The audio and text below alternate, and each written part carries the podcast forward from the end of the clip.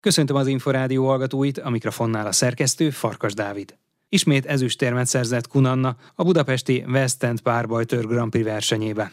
A világranglista ötödik helyén álló versenyző az elődöntőben szenzációs csatában tudott fordítani francia riválisával szemben. A fináléban azonban hiába került előnyben, végül 11-10-re kikapott a lengyel Renatak napig Miazgától.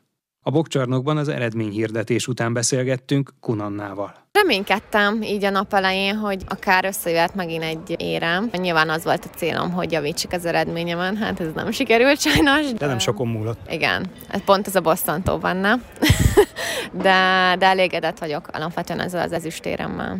Melyik volt a legjobb asszója? Talán az elődöntő, de annak is csak a vége. Igazából azt tudnám kiemelni, az volt így a legfordulatosabb, meg legizgalmasabb, de azokat az asszókat szeretem, amikor könnyedén vívok, nem kell erőlködnöm. Ugye azért világklasszis ellenfelekről, vagy legalábbis nemzetközi klasszisokról van szó. Igen, igen, igen, tehát azért jó vívókkal kerültem szembe, viszont abból a szempontból szerencsém volt, hogy az ágamon nem voltak olyan ellenfelek, akik nekem nagyon kellemetlenek lettek volna. Azok jöttek szembe, akikre számítottam. Nyilván még azért van hol fejlődni, meg mind dolgozni, de, de ez mindenképp egy jó, jó út. Az elődöntőre visszatérve 6 tust adott a végén zsinórban, tehát 14-9-es hátrányból tudta megnyerni a csörtét. Volt hasonlóra példa a karrierjében mostanában, vagy emlékszik ilyenre? Mert azért párbajtörvívásban ez igen ritka, amikor az együttes találatok is számítanak. Volt már egy fordításom, az 11-10 volt. Az Vancouverben volt pont egy francia lány ellen ugyanígy. Illetve még csapaton ugyanazzal a lányjal vívtam a befejező asszót. Ott nem sikerült fordítanom, de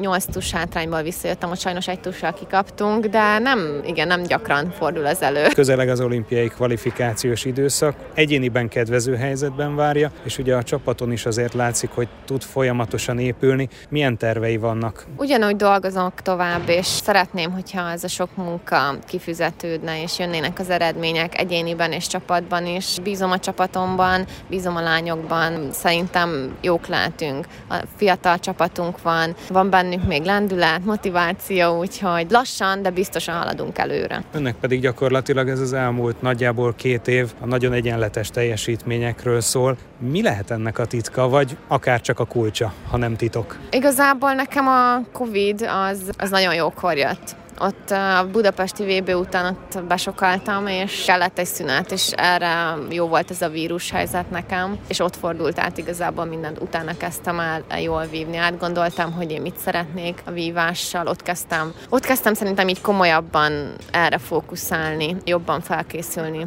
mentálisan és fizikálisan is, és jó csapat van mögöttem. Igazából sokan támogatnak és bíztatnak. Ez nem csak az én, én sikerem, ez, ez mindenki, aki ezt hozzátett. Kunanna többszörös világkupa és Grand Prix érmes párbajtőrözőt hallották.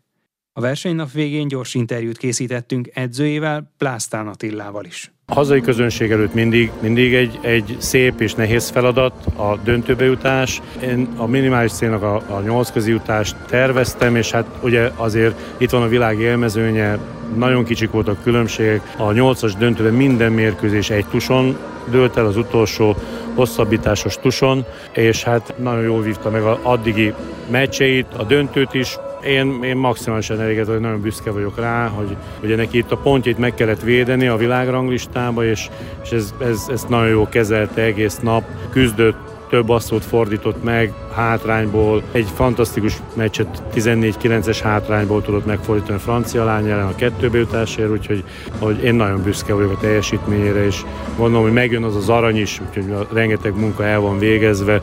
Én bízok benne, hogy nagyon szép városba fog ez eljönni egy másfél év múlva. Párizsban egy olimpia is lesz, de addig még nagyon sok verseny, és egy komplet olimpiai kvalifikációs időszak is, amely néhány hét múlva kezdődik. Minek köszönhető az, hogy Kunanna gyakorlatilag hosszú-hosszú ideje ennyire megbízható teljesítmény nyújt, a hazai versenyeken győzni tud, a nemzetközi viadalokon pedig szinte mindig bejut a legjobb nyolc közé. Hát igen, az elmúlt másfél évben kilenc világkupa és Grand Prix döntője volt. Beérett, azt kell mondanom, beérett. Neki ez a Az a covidos időszak egy kicsit jót tett, kevesebb verseny volt, tehát nemzetközi verseny szinte nem volt. Volt idő a műhely munkára több?